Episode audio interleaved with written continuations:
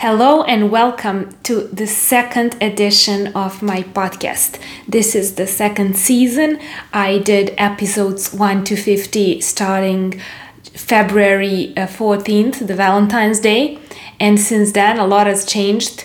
We've been through corona situation, we're still in it. It's just different now and I guess it will never be the same after anything in life that happens, life changes, and that is for the good and for the bad and the same time. So instead of thinking about what we wish were different, we should spend more time uh, adapting into the new normal and finding the way to navigate through life as it is now. So uh, let me stop talking like a robot. I need some time to relax again. Uh, today, I want to talk to you about how to stay positive in life when things are not going your way and share my techniques on staying positive even when I'm not in the mood or even when things are going downhill, which happens a lot for all of us. I believe in my core that life is supposed to be hard and not everything is achieved easily. So, as the expression goes, there is no shortcut to any goal worth reaching.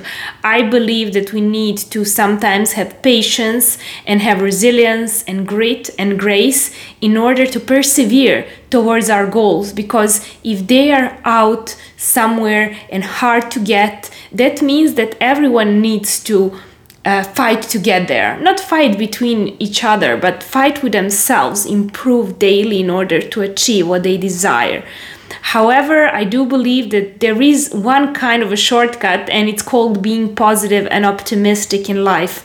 And you always have a road to go from point A to point B in life, but with a smile and with a positive outlook, and your eyes on the prize and focus and discipline and desire, you will get there faster than the perfectionist or a pessimist. So, let's talk about my tips on staying positive in life that have helped me so far gain and maintain momentum and acquire this positive outlook even when things were not going my way which is probably majority of my life just like yours First thing that helps me out immensely is finding and keeping my focus.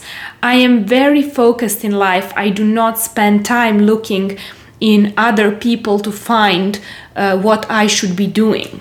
Uh, in order to be positive for myself and to be uplifted and uplifting to others, I need to have my eyes set on the prize. And there are always roadblocks on my way, just like on your way but when i have focus i overcome them easier with a much more uh, positive outlook uh, without too much hassle and stress. And imagine that uh, what a difference a goal makes when you achieve it. What will be different in your life and in lives of other? And if you have this big picture in your head and in your heart it will be a lot easier for you to maintain your focus when everyone seems to be pulling you in their uh, directions. A second tip is to surround yourself by people who are optimistic and positive. Nobody is positive all the time, but we're talking about generally positive people. If you surround yourself with those kinds of people, then you definitely have a bigger chance of becoming positive as well uh, optimism does go viral, and if your friends always perceive the glass as half full instead of half empty, you yourself will have higher chances of being and feeling happier in your daily life than the people surrounded by those who nag, gossip, and complain all the time. We always have a choice, no matter what happens to us, we have a choice how we are going to respond to that. And the people who only react to things are very reactive and very unsuccessful in life and in business. And as the famous saying goes, you are the average of five people you spend the most time with. And this is when it comes to your weight, when it comes to your mood, and when it comes to your impact. So I remind you to make sure you pick those five people well. My third tip is to reward yourself along the way. People usually ask me how do I get motivated or how do I maintain my motivation. My secret is that I tap myself on the back. In the past, I didn't have any people that were like supporting me and cheering me on, so I needed to learn how to give this to myself and how to provide the support I wish I had from others from just to do it by myself to myself. And what helps me a lot is breaking down my big goals into small chunks. And when I achieve any of those, I give myself a little break from work, I give myself a reward. I give myself, whether it's a manicure, whether it's a massage, whether it's a travel, a trip with my husband, depending on the situation, on the finances, depending on my time but the point is i reward myself along the way and that is how i support myself and maintain motivation. And after priding myself on every step of the way i feel better. I feel more confident about my plan and about my goal and i feel that i'm enjoying the journey and it's not only about the destination for me. Neither it was ever like that. Um, next tip is to stop comparing yourself to other people I'm very grateful that my family never cared about others in a way to compare. So my family never asked me, and how did the other kids do on the test? Or what is the neighbor's kid doing? They did not care. They were very focused on their own lives. So this is something that was ingrained in me since the early age. And that I feel is a great blessing in my life I feel that each of us, each and every one of us, is unique and different and authentic. And when you lose time on comparing yourself to others and their uniqueness, you just make things complicated and confusing and you make yourself feel bad. You need to stop doing that. You need to stop observing others and focus on your goal. My next step that helps me stay positive is appreciating my friends and family and spending time with them, planning to spend time with them and actually doing it. By appreciating my loved ones, I feel a lot better about myself and about my life. I invest in my relationships as they are one of my really big values in life next to freedom and self growth and self development. I accept my friends and family as they are. They all have their flaws and they all have their virtues, just like me. So when I understand that they're not perfect and I'm not perfect, uh, we are all worthy of love, and I just have then more fun spending time with them, even if I don't agree with something that they are saying. I feel that on a heart level, on a soul level, we choose each other and we are there for each other. And I always have someone to call when I'm not feeling well or when I need extra support. My next step is something that I've avoided for the longest time ever, and it's meditation. I used to hate meditation, and this is only because I could not sit by myself with myself and my thoughts. My head was all over the place, I was very overwhelmed, so this is completely understood now. But now, and how I actually got into meditation is thanks to uh, trainers, teachers, and coaches I follow such as Terri Cole and Amanda Frances that did their own meditations on YouTube, I actually resonated with those, and they, that is how I actually they converted me to uh, trying meditation and then uh, after that i invested time and money i finished a transcendental meditation class i also did use headspace and calm apps and ziva meditation i tried i browsed i found the one that suits me and on most of my days i use either transcendental meditation on or i just go to youtube and listen to some of my favorite coaches uh, do their own meditation and I just relax. And I also uh, this year uh, finished a hatha yoga teacher training. So i'm now a hatha yoga instructor mm-hmm. and i appreciate a good yoga nidra as well. So if you're not into meditation try yoga nidra.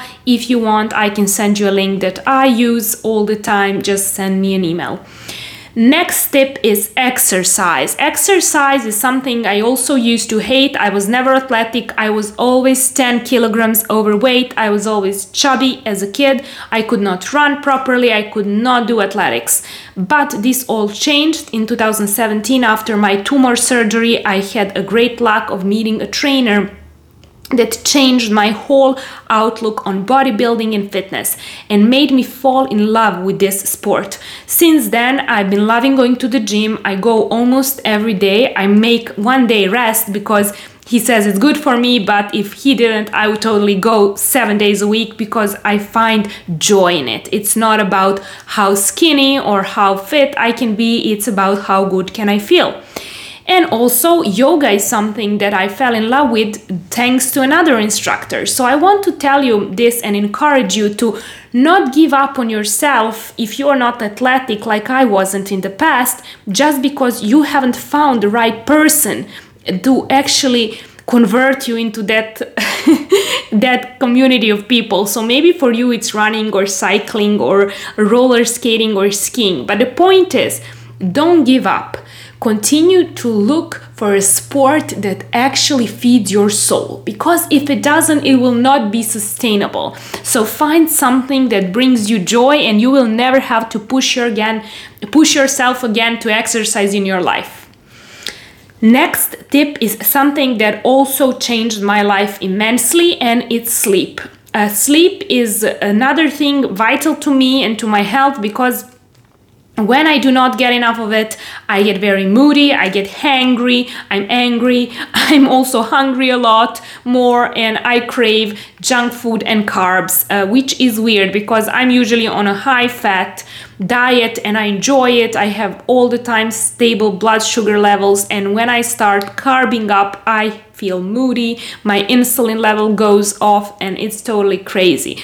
So I can feel a huge difference in my energy level and in my food choices and in my communication with other people based on how much sleep I've had the previous night. So, uh, what I do to help myself sleep better is invest a lot of money in my pillow, in my mattress, and create sleep rituals that serve me well, such as cold showers, sleeping in pitch dark, opening window to ensure that I have a chilly room throughout the night so I can sleep better, and also having a thick cover uh, that actually helps me also sleep better and sometimes when I travel, when I'm in a different time zone, I drink uh, magnesium supplements and I bring melatonin in order to help me adapt to the time zone faster. This is just the first two nights. Don't drink it more than two or three nights because your body will stop producing it enough in order for you to sleep naturally, you know, as you're used to in your home home country.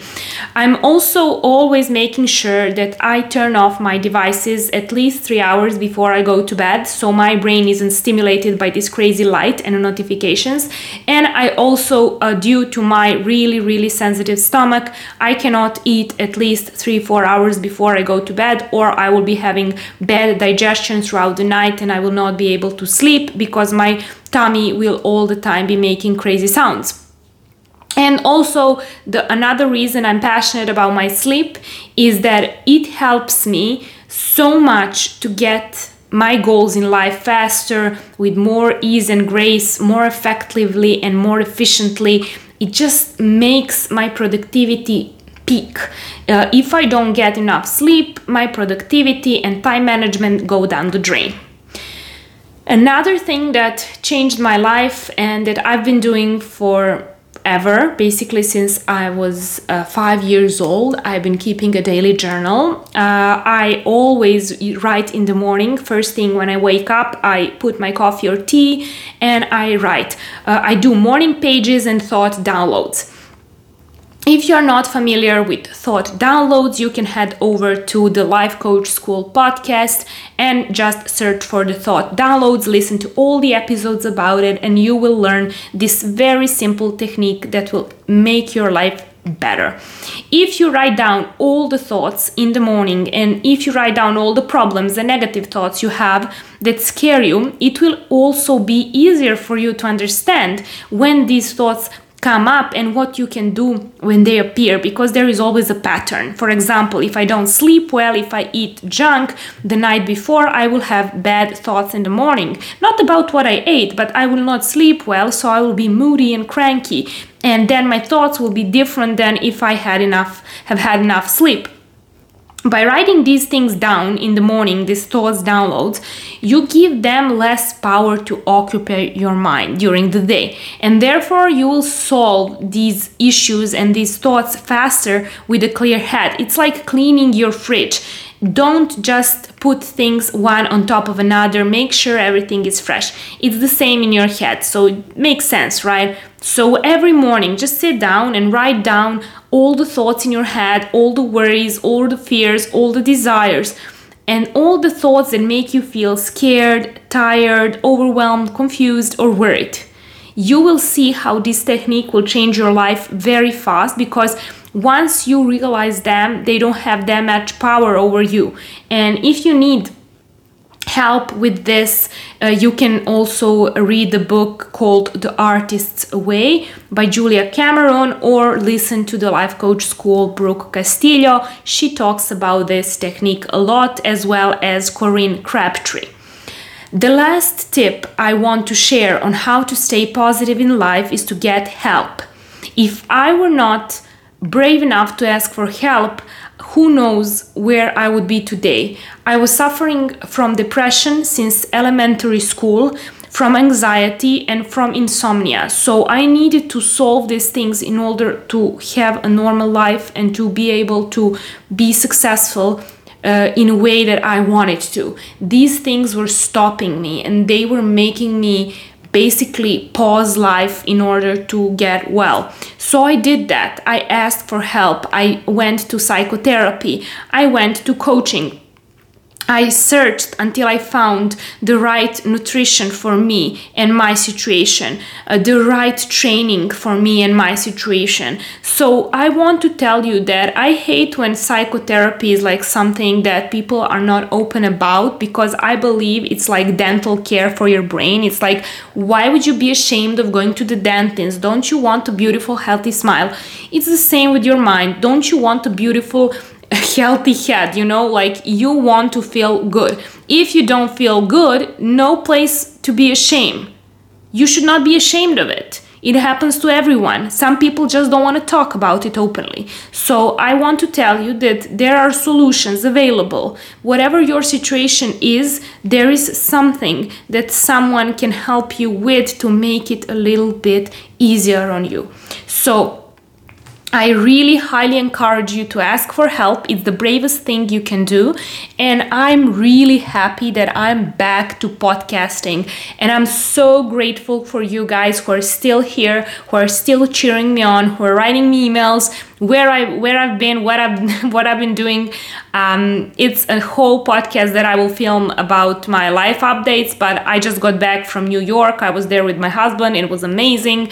It was like 26 degrees Celsius and sunny for our whole trip. So I'm grateful. Now I'm back home to Belgrade, Serbia. And big news, I will be moving to Toronto, Canada next year. So that is what's preoccupying me these days. I'm also back to the gym doing my bodybuilding and all my other rituals, which will be an episode just about that. Thank you for listening, and I'll talk to you soon. Love you.